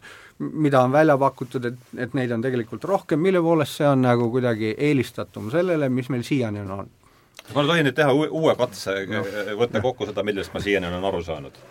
on, on okei okay.? jaa, on et hästi, ma võtsin selle, ma, ma esimese hooga tundsin ennast natuke jahma, jahmununa, et te seadsite ka, ka kahtluse alla selle, et mees ja naine on kaks erinevat bioloogilist reaalsust. aga kui ma tõepoolest tulen tagasi nüüd selle monistide ja pluralistide juurde, siis hästi jah, see on, selles raamistikus ma suudan selle enda jaoks mhm. täiesti ära, ära põhjendada kas nii, ütleme, jätame siis selle praegu, jätame selle küsimuse lahti, kas ma, kas me selles lepime kokku, et objektiivne maailm on olemas? jah, põhimõtteliselt ma arvan no,, mina jah, sellega ei taha ka vaielda. jah, jätame selle küsimuse lahti, et, et kas ta on diskreetne selles metafüüsilises reaalsuses. nojah. oleme, selle jätame lahti, ärme, ärme no, keskendu sellele no,. ma olen nõus selle Lähme sealt edasi, ma arvan, et meil Martiniga on suhteliselt sarnased vaated. Lähme sealt, ma olen ka sellega nõus, et, et me, kuivõrd me ei saa tast midagi teada, siis noh, aga, aga järgmine väide on see, et ilma kategoriseerimata me ei saa hakkama, kas me sellega oleme nõus mm,? ma arvan küll, jah. ma arvan, et ma läheksin siit, ütleksin niimoodi, et noh, ma, ma võin kujutada ette äh, abstraktselt inimest nagu sellise bioloogilise olendina, kes mm. elab üksi ja saab hakkama ilma kategoriseerimata, aga et ma ütlen, et niipea kui kas ta oleme, saab ikka hakkama? vaat si-, siit jõuab huvitav küsimus, on ju, eks, et näiteks kas äh, nii, ütleme, ma esitan selle sedapidi, niipea kui me räägime keelest ja sellest, et meil on kellegi teisega vaja suhelda äh,, siis me ei saa hakkama kategoriseerimata. see läheb tagasi selle Wittgensteini privaatkeele argumendi juurde. selles mõttes on ka lihtne, et inimene üksi ei saa lihtsalt hakkama aga eh, hea küll, üksi, aga ma ütlen, mina, minu väide on ka see, ma muidugi praegu ma lihtsalt väidan ja katsun mm. argumenteerida, et eh, ilma kategooriateta ei saa hakkama ka siis, kui keelt ei ole.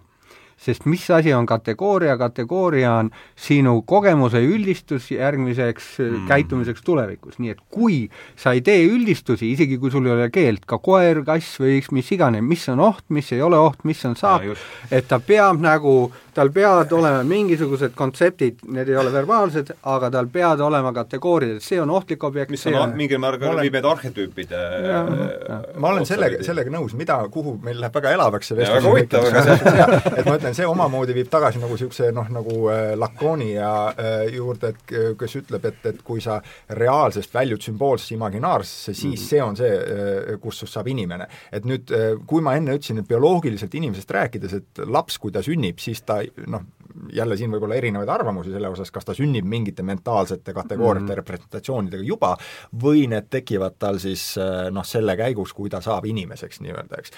aga sedavõrd, kuivõrd värskelt sündinud laps on inimene, siis ma väidaks ja ütleks, et tal ei ole seda noh, kategooriaid.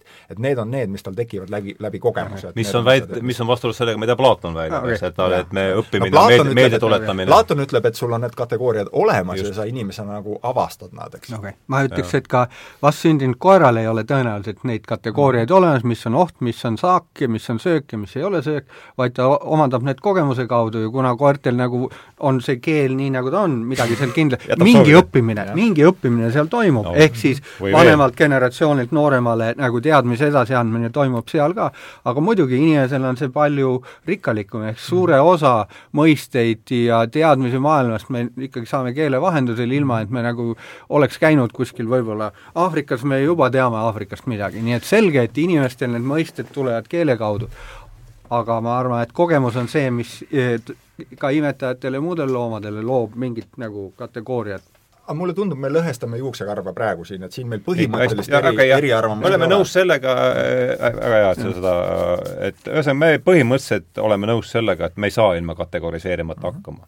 ja kui nüüd, kui me ma tuleks siin tegelikult haagiks sellega, mida Martin äh,, tahad sa veel täpsustada, mida endast aru, et sa, sest kui Martin tõi minu arust väga huvitavalt välja selle, noh, sa nimetasid ise selle funktsionaalseks, see nii-öelda sellises filosoofilises äh, kategoorias, see oleks kategoorias, eks mm, -hmm. ka me kategoriseerime erinevaid filosoofilisi mõtte, mõtteviise ja laade, eks, et siis see, see on, see Richard Rorty pragmatism läheneb suuresti mm -hmm. samast vaatepunktist, ütleb, et noh, et me peame vaatama seda, mis on nagu mm -hmm. kõige pragmaatilisem, mis annab meile kõige parema tulemuse, tulemuse, see on see liigitus. ja sealt on ajaloost mul üks hästi huvitav näide, et mm, torkas kohe pähe, et kui sa äh, tõid selle äh, näite, ütlesid, et noh, meil on pragmaatiliselt nagu töötanud ajalooliselt päris hästi see, et me oleme jaganud inimesed suures laastus meesteks-naisteks.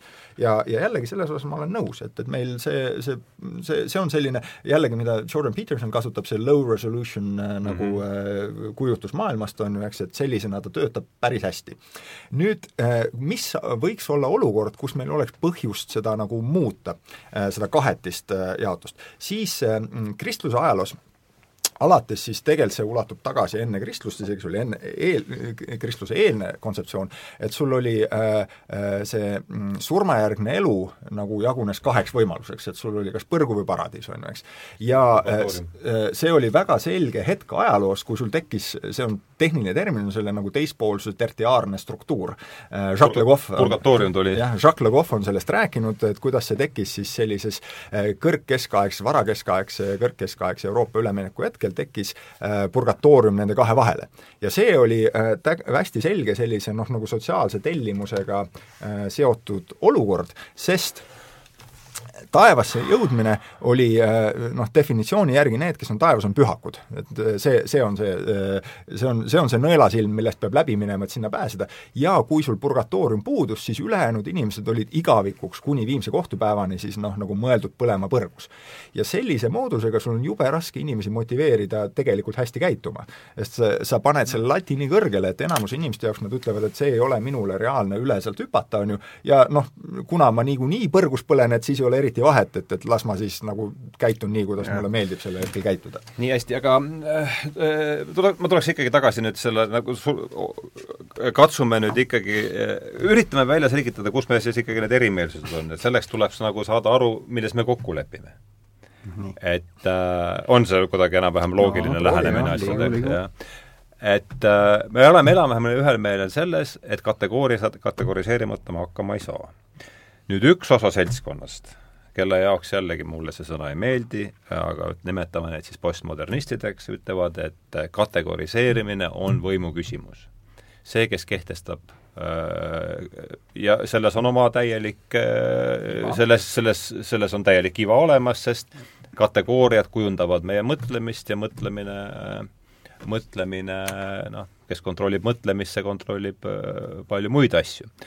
nüüd on muidugi jällegi see küsimus, et et kõige niisugune kirglikum osa ütleb, et igasugune kategooria, kategoriseerimine on ainult võimu küsimus, et et teeme võib-olla siin nüüd katseks ringi peale, et mis te mm. võtame, hakkame siit Martinist pihta praegu, et kuidas see kuidas see, kuidas see mõte, ütleme, sinu raamatu, kas see kõlab su raamatuga kaasa üldse, siis liigume Tarmo juurde? ei, ma olen sellega täiesti, äh, äh, selles mõttes täiesti päri, et tõesti kategoor-, kategoriseerimine on võimu küsimus, aga ma ja sellest selle... me praegu siin räägime vist, identiteedi sellest me räägime, et see on nagu võimu küsimus ja see on paratamatult, ühesõnaga, kuna me kategoriseerimata ei saa olla, siis igal juhul on see võimu küsimus ja erinevad kategoriseeringud võivad nagu annavad erinevatele inimestele võib-olla eeliseid või noh, nagu rohkem võimu ja teistele vähem võimu, nii et selles suhtes jällegi võiks küsida, aga mille alusel me siis valime, et keda me eelistame, kellele siis rohkem võimu anda, kas valgele keskealisele mehele või või, või kellelegi teisele, eks ole, et noh, et kas meil on mingisugust alust nagu väita, mille alusel me siis nagu peaksime kategoriseerima, kui nii või naa, see on võimu küsimus. keegi, eh, kellelgi on see kasulik ja kellel on see ka-, kahjulik, kellegist tuleb siis selle kategoriseerimise läbi rõhuja ja kellegist saab rõhutu, muudame kategooriaid, on uus rõhu ja uus rõhutu, no mis vahet siis on? Mi-, mille alusel siis valida, ma tulen jälle selle küsimuse, et mille alusel me võiks eelistada jagamist meheks või, ja naiseks või viiekümneks eri sooga, et mis, mis on see kriteerium? ja sellele võib väga mitut eri moodi vastata, mis need kriteeriumid on ja ongi erinevad vastused pakutud, aga ma siin küsiksin, et et kas sa mingi viite oskad öelda, et kes on seda öelnud, et kategoriseerimine on ainult võimu küsimus? Mul ei tule, ma ei, arvan no., ma olen postmodernistiga üsna hästi kursis äh, ja mul ei tule tõesti ühtegi meelde et äh, see, ma kardan, on, äh, on no see on, see on karikatuur, see on karikatuur ja, ja. ja, ja see on jällegi üks vorm, ütleme, ütleme siis niimoodi, et see on see, mida ma praegu ütlesin, et see on niisugune sõgeda, minu minu jaoks sõgeda postmodernisti vorm, millele noh, mille jaoks, eks ole, me võime küsida, kes sellest seltskonnast on siis sellele nüüd nagu lähemal, keegi muidugi päris seal ei ole, nojah, et äh, aga la, las ma siis nagu äh, vastan sellele, ma, ma mõtlen selle asja peale niimoodi, et et äh, kategoriseerimine on võimu küsimus selles mõttes, et kuna kate-, kategooriate piiride määratlemine on nagu sotsiaalse kokkuleppe küsimus mm, -hmm. siis see, kes suudab nagu mingisuguse kindla nagu kategoriseerimise nii-öelda ühiskonnale peale suruda või et ühiskond selle omaks võtab, on juba nagu defineerinud maailma niimoodi, nagu talle on kasulik. on andnud asjadele nimed. jah ma ütleks isegi selle, äh, täpsustaksin seda asja, ütleme kõige sellisemal, ähm, kui me räägime sellest nagu äh, kategoriseerimise võimu seosest, siis äh, noh, kõige selgem või olulisem nimi, kes sellega seoses käsitlusele tuleks, oleks muidugi Foucault, kes on sellest väga palju rääkinud eri vormides, eri moel ja minu arust ka väga huvitaval ja väga-väga sisulisel moel. ja üks asi, et, et millest, mis sealt Foucault paljudest mõtetest võiks välja noppida, on see, et tema püüab välja tuua seda, öelda, et, et noh, keel ja kategori-, kategoriseerimine selles mõttes, et selgelt need on tema jaoks võimuargumendid, siin jällegi ma arvan, et võimu, võimu küsimused, et me oleme Martiniga üsna sarnasel vaatel siin, aga kuidas see töötab, ei ole mitte nagu niivõrd see, et keegi surub peale oma arusaama kategooriast ja representatsioonist, vaid äh, võim on neil, kel, äh, võim töötab läbi selle, et kui teatud laadi kategoriseerimise vorm tundub loomulik ehk et see on see, see, see läheb tagasi nüüd selle teema juurde, mis me enne ütlesime, et et see on asi, mille kohta sa ütled, et aga nii on, et see on ju päriselt niimoodi, et see on see, kuidas on asjade loomulik äh, külg äh, või kuidas nad päriselt, päriselt mhm. looduses loomulikult on. ja selle efekt on siis see, kui, kui Foucault räägib võimust, ta räägib kapillaarsest võimust, ta räägib nagu võimust natukene teises formaadis, see ei ole mitte selline võim, mis kuskilt tsentrumist kiirgab ja, ja, ja kontrollib raudse käega nagu vastu, vastupidajaid, vaid võim on see, mis meelitab. See on see, et, et mis nagu sind hõlmab pehmelt ja soojalt ja äh, mille suhtes sa ei esitagi küsimust. kui sa selle võimu vastu mässad, siis see juba näitab, et see võim on defektne, et ta ei ole tegelikult perfektne, et ta on selline äh, asi, mis juba kõigub, on ju, eks.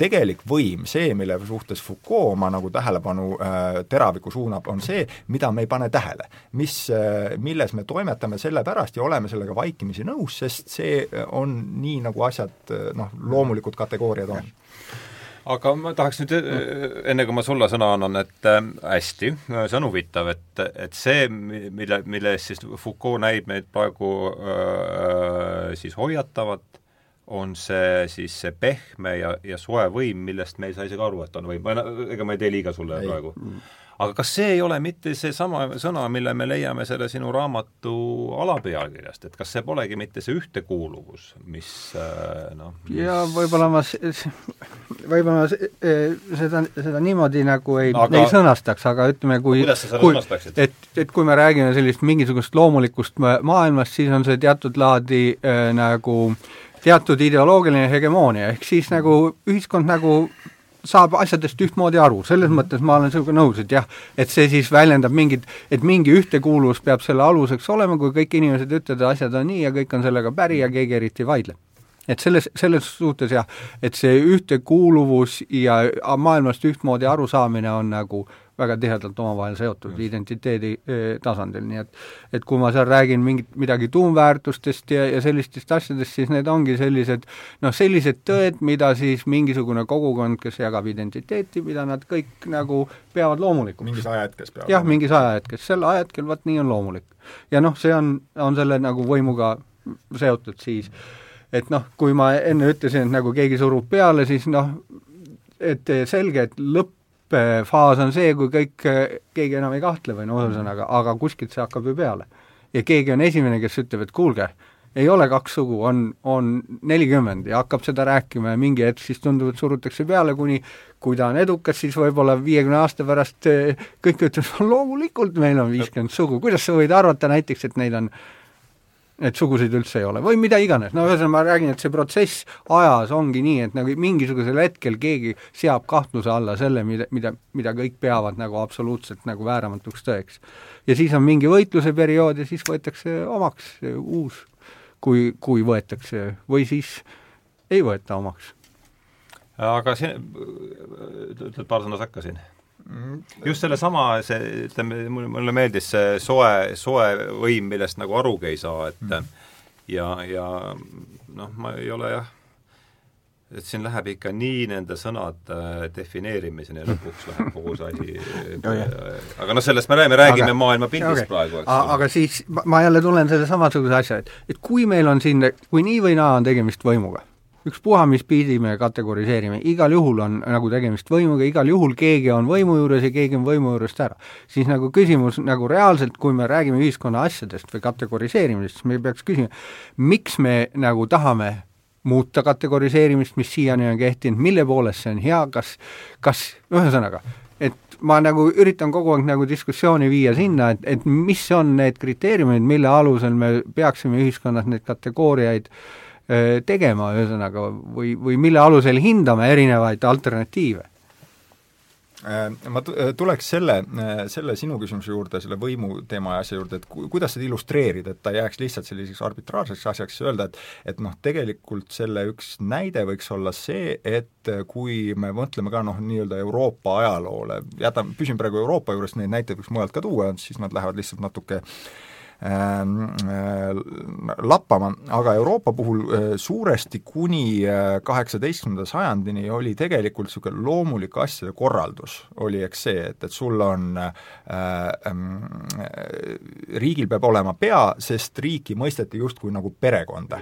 et seal, seal on see, et sul on pater familias ja see on kuningas, on see, kes on selleks nagu talaks, millele kogu see asi toetub, ja siis kristlikus metafüüsikas, kuna äh, kristlus oli siis ka kuni suuresti ikkagi hiliskeskajani selline totaalne süsteem, mis hõlmas endas mitte inimeste nagu eraelu, vaid see reguleeris ka ühiskonnaga avalikku maailma nägemust, metafüüsikat, sul oli filosoofiad, oli kristlik, on ju, eks kõik, see oli täiuslik holistlik äh, süsteem.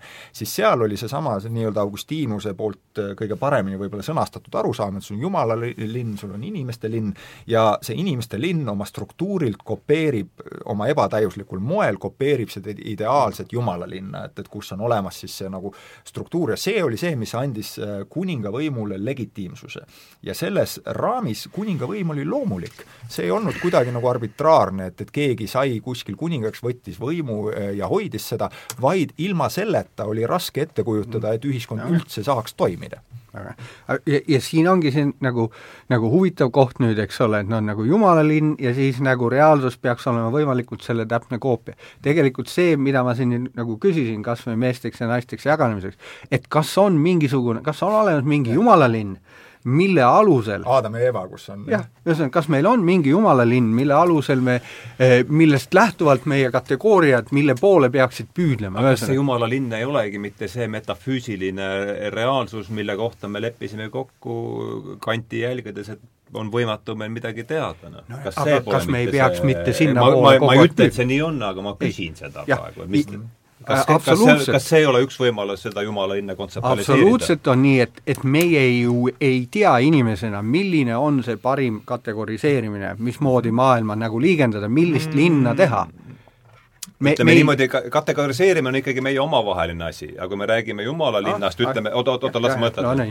kui me räägime Jumala linnast, kas me siis ikkagi ei räägi sellest samast metafüüsilisest reaalsusest, mille kohta me ei tea ja ei saa põhimõtteliselt teada, kuidas me, kuidas me kategoriseerima hakkame, see on juba meil minu meelest selles me äsja leppisime nagu kokku, et äh, või no, aga, aga kui, kui okay. me kui... leppisime kokku, et on olemas objektiivne reaalsus, reaalsus., aga see on teine asi, kui öelda, et on olemas metafüüsiline reaalsus, mille, millele peaks toetuma kõik meie nagu järgmised no oot, oot, oot, las ma nüüd mõtlen seda, me leppisime kokku, et meil on olemas objekt- ja selles me tunneme, et midagi aga midagi... me ei saa seda tunnetada, seda objekti. ei, me tunnetame seda, me tunnetame ja me üritame okay, seda kategoriseerida. oot-oot-oot-oot-oot-oot-oot-oot, jah, me tunnetame, kui me, me tuleme nüüd tagasi selle pluralistide ja monistide juurde, siis okei okay,, jaa, mis on, mis on monistide vastus pluralistide, jah, sa ütled, okei okay,, laud on olemas, see on, see on ju ilm, see on ju ilmselge, mismoodi, oota, oota, oota, oota, las ma, las ma lõpetan. mismoodi see väide, et näe, siin on ju laud ja siin on ju tool, mismoodi see on erinev minu väitest, et näe, seal on naine ja siin on ju mees. kas sa siis ei näe seda? selgita mulle palun see ära. ei no see ongi, see on tegelikult selline asi, kuidas ma kahtlustan üle kogu maailma äh, filosoofia kursused, noh see filosoofia one on one algab sellega, mina olen korduvalt alustanud filo-, filosoofia kursust sellega, ma istun inimeste noh, auditooriumis ja ütlen nii, et kas see laud siin on olemas ja sa hakkad sellest pihta lihtsast küsimust, mille peale alguses sa alati või noh, reeglina näed inimesi nagu kuidagi üleolevalt naermas või muigamas selle peale, et mis küsimus see on, et noh mm., selge, et see on olemas. ja sul noh, ma vist ise ei ole olnud kordagi selles olukorras, kus selle tunni lõpuks öö, oleksid öö, kõik inimesed endiselt veendunud, et sellele on olemas lihtne vastus.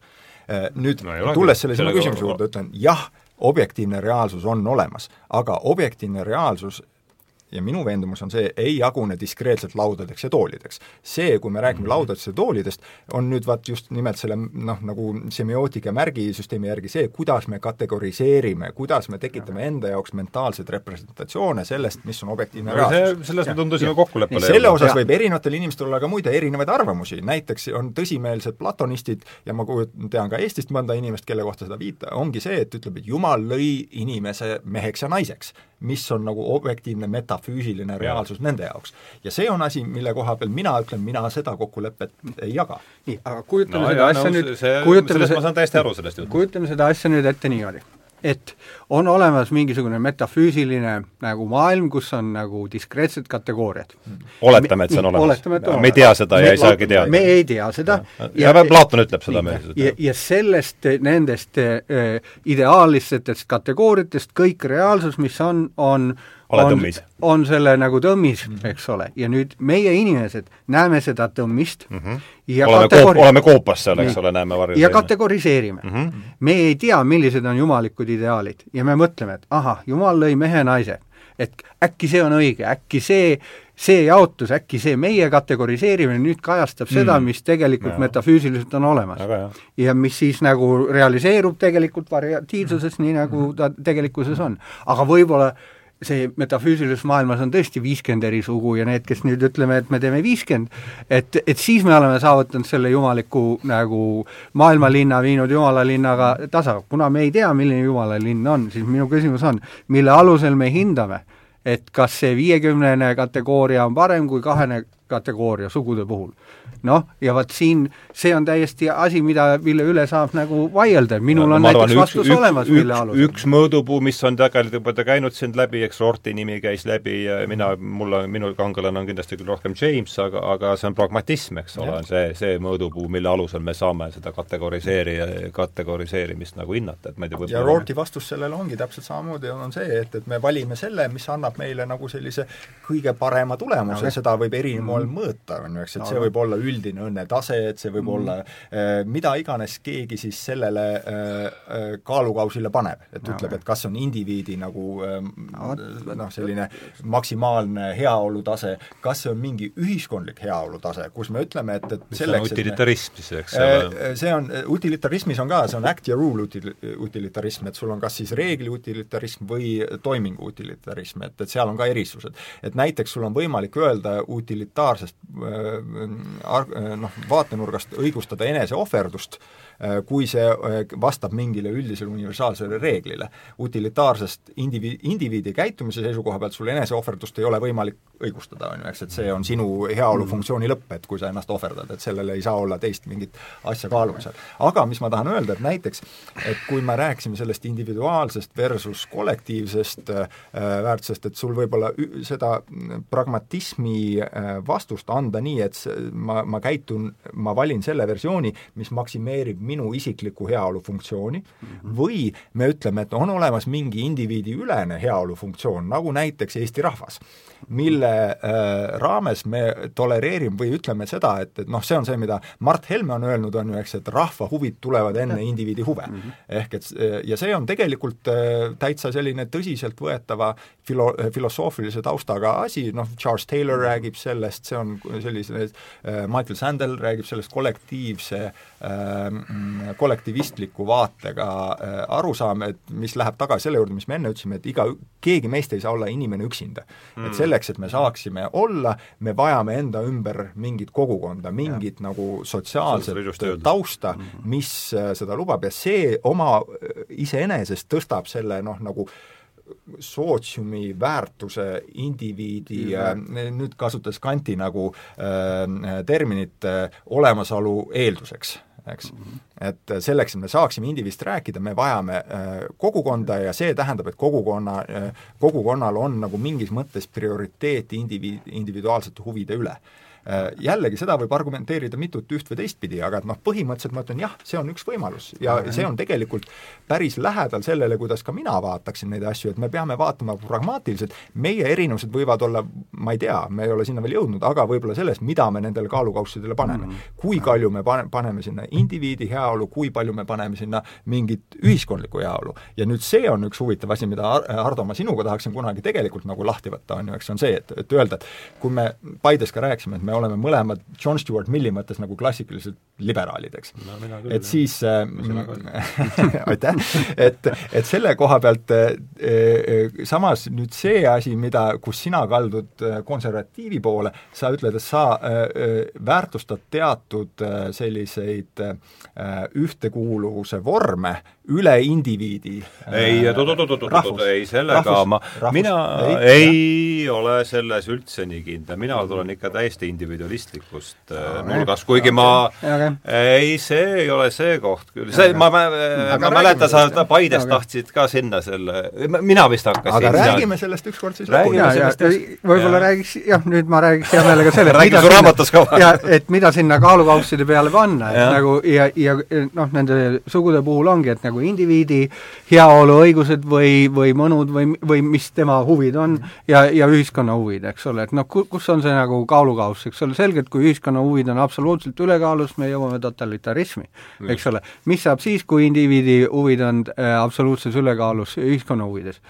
no vot, et mis, mis on see, siis see on see nii-öelda anoomia, selline ühiskonnakorraldus, kus nagu tegelikult ühiskond nagu laguneb laiali, eks ole. tegelikult selline ühiskond Just. ei saa olla jätkusuutlik, kui igaüks teeb ainult seda, ja sellega tundub olevat kõik äh, sa ei hakka siin vastu ei, ei, ei hakka.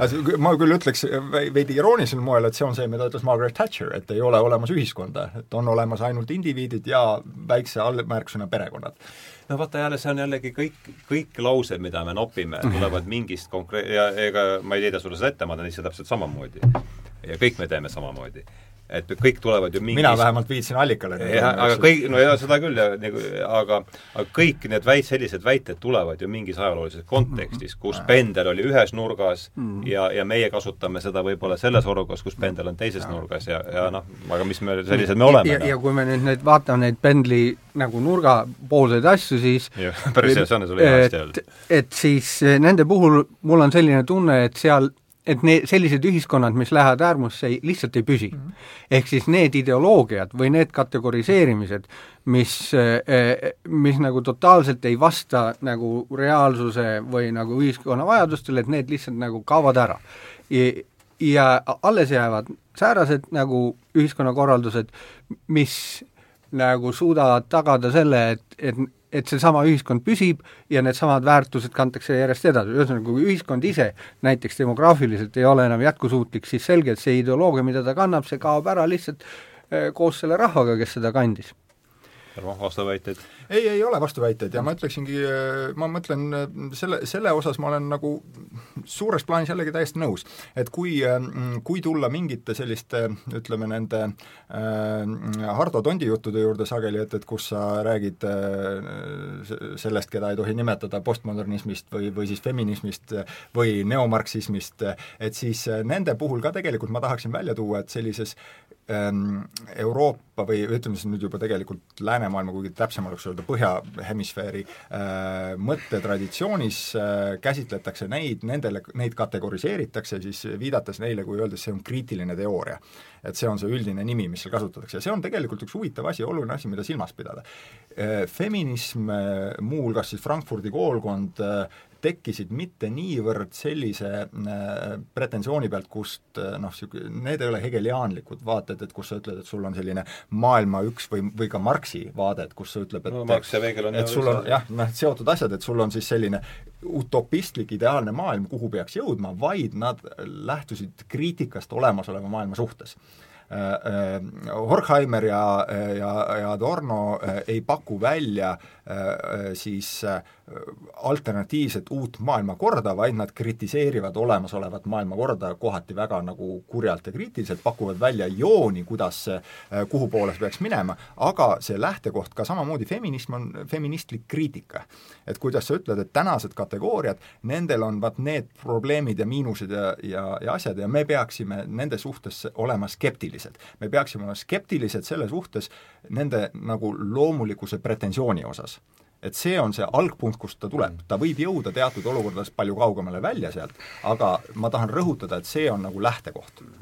no ja jällegi ütleme, ega siis äh, noh, kui meestel on valimisõigus, on väga raske, väga raske leida mingit põhjust, miks naistel ei peaks valimisõigust olema ja, ja aga, ei, aga, aga, aga, aga, aga, aga võtame, võtame nüüd ma võin selle... põhjuseid okay, öelda. hästi, no ütleme, need ei ole kerge, oota, aga las ma lõpetan mõtte jällegi enne ära, et me oleme siin kõik kolm kirglikku noormeest. tore jälle noor olla. jah, just. Et, et ütleme, see vahemik, kus meestel ei, kus meestel ja naistel ei olnud valimisõigust, see on ikkagi, me räägime siin ikkagi sellest, et, et kui, kui juba valimisõiguse see džinn pudelist lahti, välja lasti, et tuhat kaheksasada nelikümmend kaheksa oli vist mm. kolmel protsendil, äh, kui ma nüüd õigesti, kol-, kolmel protsendil Prantsusmaa täisõiguslikest või täisealistest meestest oli valimisõigus. niipea, kui see džinn äh, pudelist välja lasti, said ka naised sisuliselt kohe selle valimisõiguse, nii et see on mm. üks niisugune asi, millega siin võib-olla äh, feministid soolavad natukene üle, ma, ma räägin selles, Tarmo, ma räägin äh, võrreldes sellega, kus Vana-Kreeka, Vana-Rooma, et, et kus ei olnud soo põhjal äh, erinevus, et see oli staatuse põhjal, aga staatus äh, korreleerus väga tugevalt sooga. aga ja et valimised on seotud demokraatiaga. Ja demokraatia töötab siis, kui on olemas seesama mingisugune ühtekuuluvus ehk jagatud maailm, et on vähemalt mingi platvorm, mille põhjalt otsustada, mismoodi ühiskond edasi läheb. ja see see hulk inimesi, kellel see jagatud nagu teadmine on, on ajaloos nii, kui demokraatia tekkis, eks ole, oli aristokraadid, need, kes jagasid maailmat ja suutsid, oleks siis antud kogu pööblile äh, valimisõigus, oleks päris kindel olnud, asi oleks läinud kaosesse, sest nende inimeste tahtmised ja soovid ja arusaamised olid nagu tõenäoliselt nii palju erinevad sellest, äh, sellest eliidist, kes nagu demokraatia alguses lõi. ja sedavõrra, kuidas rahvaharidus arenes, kuidas, kuidas inimeste erinevad ühiskonnad ühiskonnakihid nagu haarati rahvusesse kaasa ja ehitati seda rahvust suuremaks, seda rohkem sai valimisõiguse seetõttu, et nad olid võimelised kaasa rääkima. et kui sa ei ole haritud, sa ei saa kaasa rääkida. väidetavasti. jah, ja, ja, ja, ja nii ma ütlen, et kui me vaatame tänapäeva Euroopat, ühesõnaga kui sinna tuleb palju erikultuurilisi inimesi, kes ei jaga sama tausta, siis demokraatia lõpuks muutub düsfunktsionaalseks, ta ei saa toimida sest ta, tema eelduseks on teatud nagu jagatud maailma seesama pehm, mina ikkagi nimetaks seda, kuigi Tarmo ei ole minuga päris nõus, seesama Foucault pehme võim, milles mina näen sedasama ühtekuuluvust, mis teeb lõppude lõpuks võimaluse, võimalikuks selle, et needsamad bussid meil siin õues ikkagi liiguvad ja pärast saab takso tellida. noh jah, see läheb võib-olla samm kaugemale, kui ma oleks valmis minema, aga Martin oma raamatus minu arust ka, sa viitasid Althusserile ja interpellatsioonile, et mis oli siis nagu Foucault äh, noh, üks varane õpetaja, Althusser, et rääkis, see, see on nagu, Foucault viis selle edasi sealt, aga samamoodi siis Althusser ütleb, võim interpelleerib, et ta viipab sulle, et, et ta, ta adresseerib sind, ta kutsub su korrale, jah mitte, ja see ei ole mitte kinni sellest, et võim sunnib sind mingil moel käituma, vaid lihtsalt seeläbi, et kui sa näed, et sul on politseinik teisel pool teed, kes vaatab, ta distsiplineerib sind, on ju, eks. Ei no me ikka tuleme tagasi selle, see on natukene küll, me hakkame siin oma, Tarmoga oma, oma asju ajama, et ära kuule, aga meil aeg hakkab varsti kuule, aga meil, katsume nüüd ikkagi kolmeni siin niimoodi, katsuks, teeme, lõpetame, lõpetame kolmeks asja ära, on sul no okay. sest peale ütleme, ütleme nüüd hilja ma lubasin pool neli kodus olla küll juba. hiljaks jäid, hiljaks jäid sina, mitte mina meil, noh aga kümme minutit Sorry. et ähm, katsu, saame kolmeni ehk, siis ta, minu arust on huvitav. jutust meil puudu ei jää. aga seda, et ähm, kus, kus see, aa ah, okei okay,, nüüd jäi see et üks asi, kus me selgelt äh, sinuga erist-, et ma olen üsna veendunud, et minul on kõrgem, kui me vaatame nüüd suure viisiku äh, mudelit, psühholoogilist pilti, et minu arvates on see, et siis on, minul on ilmselgelt kõrgem, ma olen üsna veendunud, et mul on kõrgem neurootilisus kui sul, mistõttu mina olen oma neurootilisus tähendab seda, et ma olen, näen, mul, ütleme nii, et mul on silmaelu nagu tumedama poole jaoks. ja seetõttu noh, ma näen ohtusi seal võib-olla, kus neid ka ei ole. ja, ja mina näen siin seda ja, ja see võib-olla ka, kus mul ütleme, ja sellega ma tahakski selle viimase või kolmandiku sisse juhatada, kus mul Petersoniga klapib, on just see, mis ta ütleb seda, et ma olen läbi ja lõhki optsioon. et kui ma ei lähe, kui ma õue lähen, siis ma ei imesta mitte selle üle, et et et äh, ma tean, ma imestan selle üle, et, et asi toimib kõigele vaatamata. Ja ma arvan, see on see võib-olla see psühho-, psühholoogiline lähtekoht, kust mina tulen, et see on nüüd sel-, kui me hakkame erinevustest rääkima, siis see on selgelt üks koht, mida tuleb arvesse võtta. nüüd, et see seal tänase selle jutuajamisega kuidagi Haakude, Haakide ja Martini, Martini raamatuga tõstataks siis selle viimase küsimuse üles, et äh, kui suur on tõenäosus, et see identiteedipoliitika, me teeme siin nüüd küll väikese sellise päris, noh, päris suure hüppe, aga ta on ikkagi eelnev, kui suur on tõenäosus, et see, seesama ühtekuuluvusplatvormi äh, nõrgenemine ja see, see kõikide kisa kõikide vastu viib meid lõpuks sellesse Hobsi äh, sõjaseisundisse tagasi äh,, noh, mida osa seltskonnast ei paista isegi endale aru andvad, et niisugune asi üldse võimalik on, et hakka seal sealt pihta? Äh, jah, ma arvan küll, et tähendab, esiteks kõigepealt see, et äh, identiteedipoliitika on olemas olnud kogu aeg, kõigis, kõigis ühiskondades, see, see ei ole teisiti äh, see lihtsalt võimalik, võimalik.. nüüd küsimus on, et ja küsime siin, mis, mille poole, väga hea, mille poolest erineb siis see tänane see mm -hmm. nagu okay. sellest, mis on kogu aeg olnud ja ilma milleta ei ole üldse võimalik olla? noh, et, et ma arvan, et nagu see põhiline erinevus on, on see, et millisel tasandil nagu luuakse seda ühendavat identiteeti, mis peab nagu sootsiumi koos hoidma mm. -hmm. ja, ja noh, eks ole, seal on olnud nagu erinevad perioodid, on leitud nagu erinevad ühendavad asjad, eks ole, Äh, et kunagi on see olnud, eks ole, nagu kuningriikluse põhjal, eks ole, lähtuvalt kuningast nagu perekond, su etniline taust võib-olla ei ole nii tähtis, aga sa kuulud sellesse nagu püramiidi, mille otsas on kuningas ja, ja sa tajud ennast nagu seda laadi äh, ühenduse liikmena, no vot siis tuli see hierarhilisus muutus ebapopulaarseks, rahvuslus tuli, ütles, me kõik oleme vennad, võrdsed ja ühtsed ja hakatigi rääkima, me oleme ühtsed ja haridus hakkas seda ka nagu tootma.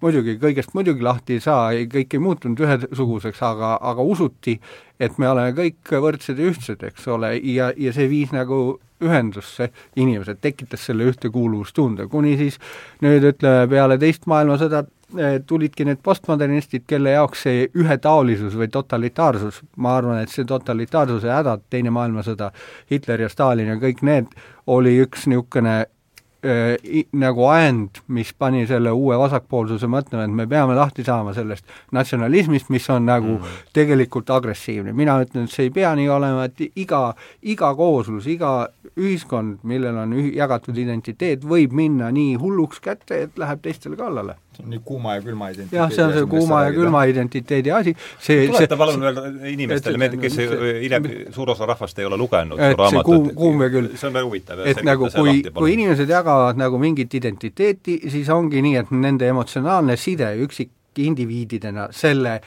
nagu identiteediga, näiteks eestlaseks olemisega, et kas eestlaseks olla on uhke ja hea, kas ma olen valmis ennast ohverdama või välja minema, nagu kaheksakümne kaheksandal aastal, eks ole, me nõuame ja kõik oli tunda, et Eesti rahvas oli selles mõttes kuum, et ta oli võimeline ja tegelikkuses ka käitus kollektiivse nagu jõuna. eks ole, kui kolmsada tuhat inimest on lauluväljakul, ilma relvasta-, kolmsada tuhat relvastamata inimest on tohutu jõud, sest sa ei saa nendest tankidega üle tõusta, see on nagu moraalselt nagu moraalselt on väga raske midagi teha sellise nagu relvastamata massi vastu, kes tahab midagi. nii et no vot, see on selline, kui rahvas on kuum, siis, siis nad on valmis ja võimelised selliseid asju tegema, ka sõda pidama või, või mida iganes. kui ta on külm, siis iga indiviid elab nagu, teab küll, ah ma tean, et ma olen eestlane, aga see mind eriti nagu ei, ei morjenda, eks ole, ma olen indiviid ja mind ei huvita, mis, mis see on ja vot siis ongi, et seesama kuuma või külma tunne, see luuakse ühiskonnas nagu sellesama väitluse, ühiskondliku väitluse käigus, võib, võib siis nii öelda, eks ole, luuakse kas ohutunne, keegi meid ründab või meil on nüüd võimalik vabaks saada või midagi säärast. ja siis, siis rahvas, kui ta tunnetab, et see on õige jutt, siis ta muutub kuumaks ja on valmis tege-, tegutsema selle kas ohu vastu või selle eesmärgi nimel no vot, vot see on see kuuma ja külma, külma nagu küsimus ja identiteedipoliitika ongi see, et nagu luua kogukonda siis ja panna see kogukond selle kuuma ja külma skaalal kuhugi, eks ole.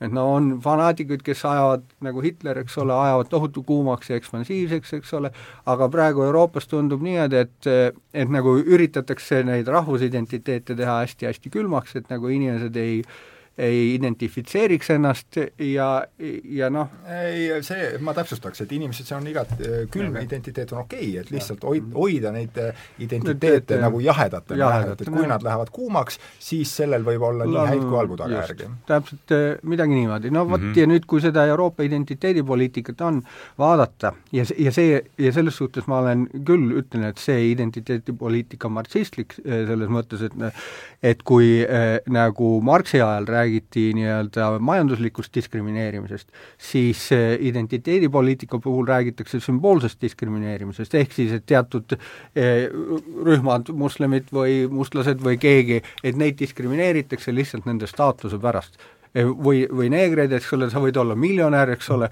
aga, aga ikkagi mm. oled sa nii, kuulud nagu sinna diskrimineeritute hulka ja vot see uus vasakpoolsus üritab siis neid kõiki teha võrdseks, üritab ka seda nagu assimileerumist või nagu selle ühe terviku loomist väikestest vältida, sest see on ka äh, nii-öelda ahistamine, kui sa ütled kellelegi, et õpi eesti keel ära, eks ole, sisuliselt sa sunnid kedagi midagi tegema äh,.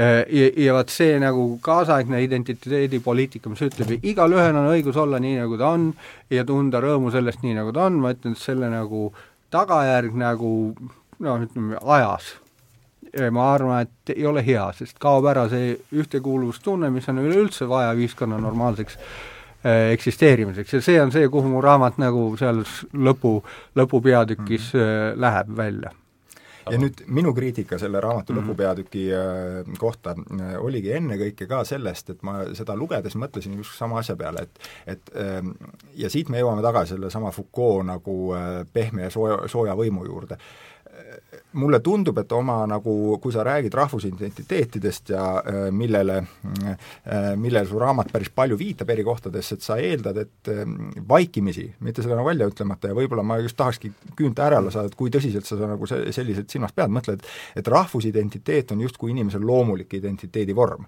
Äh, see on ka tegelikult ju ajas olnud sattumuslik, et, et ühel hetkel äh, kui me meenutame Augsburgi rahulepingut, et mis äh, lõi al-, aluse selleks, et, et meil sai tulla hiljem Westfali rahu ja kõik need rahvusriigid, on ju, see oli see, mille peale tollane paavst Innocentius, ma ei mäleta, kui mitmes, äh, äh, noh, mõistis, mõistis selle põrgusse põlema, ütles, et see on nagu kehtetu ja mõttetu ja no, tema loomuvastane aegade lõpuni, on ju, eks. isegi mitte küsimus ei ole mõis jäi väiksemaks, vaid see läks fundamentaalselt vastuollu selle nagu tollase noh, üldiselt heaks kiidetud loomuliku nagu, nagu terve reformatsioon. jah, täpselt, ja see algas sealt, eks. reformatsioon samamoodi, Augsburgi äh, rahu ütles, et cuius regio eius religio, et sa, sa võid ise valida oma religioosse identiteedi ja see on sinu territooriumil nagu see, mis, mis kehtib.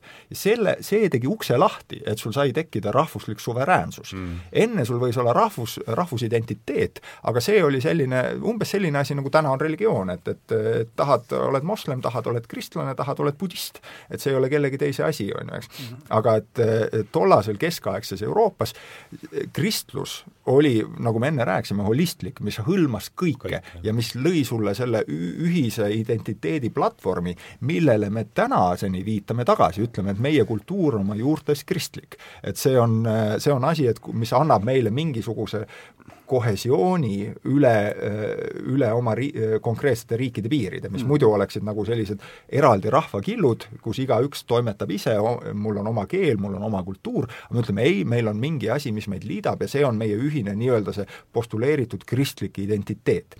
ja nüüd, mis ma tahan öelda, on see, et, et sellel hetkel Äh, see asi, mida me täna peame loomulikuks ja kalliks, sündis mingil hetkel mingite nagu poliitiliste ja ühiskondlike murrangute käigus, kus juhtus palju asju, mis äh, sellel ajal äh, inimestele ei meeldinud, mille vastu väga suured osad nendest ühiskondadest sõdisid väga sarnaste argumentidega, mille noh, mida, mida me kuuleme täna.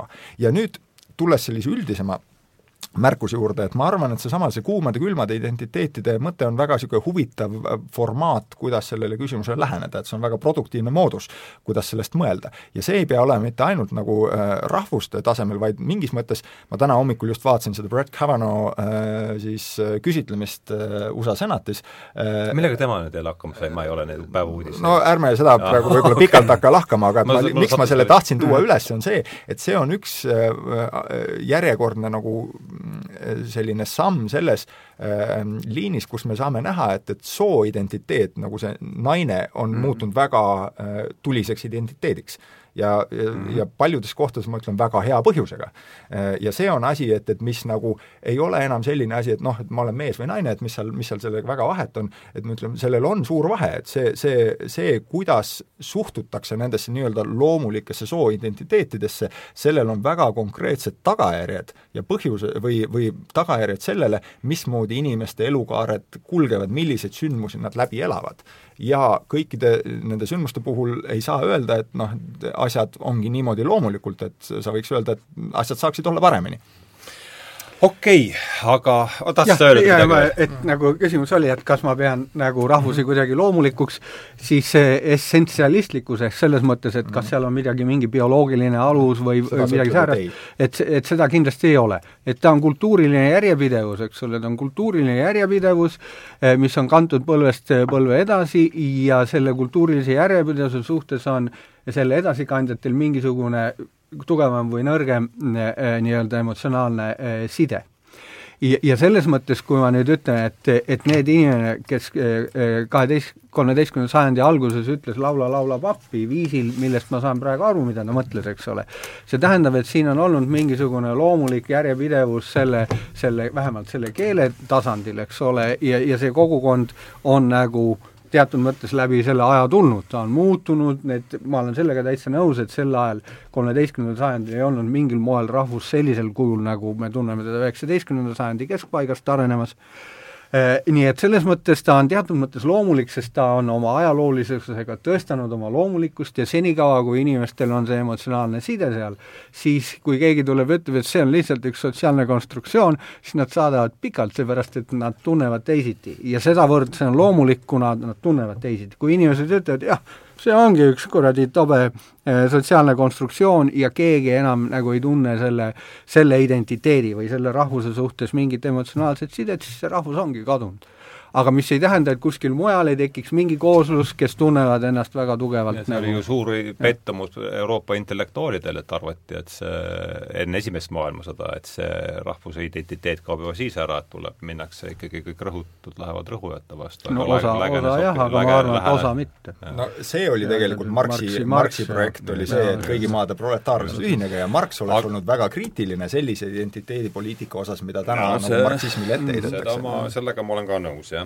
Aga teate äh,, kell hakkab kolm saama ja ja see kuumade identiteetide ja see, et naine olek on muutunud kuumaks identiteediks, viis ma hoopis järgmisele mõttele. et ma astun siis ka sammusid nagu pluralismilt, mina alustasin pluralistina, aga astun tubli sammu monismile lähemale ja ja tsiteerin oma sõpra Vanapat, kelle köögis me sinugagi vist kunagi korrutasime seal, eks, mingis segastel asjaoludel. Tema ütles selle kohta siis selle põhi, meie ajastu põhiidentiteedi kohta järgmist, ükskord niimoodi arutasime seal oma, et, et te teate, Ardo, mehed ja naised, et ma ei tee suurt vahet.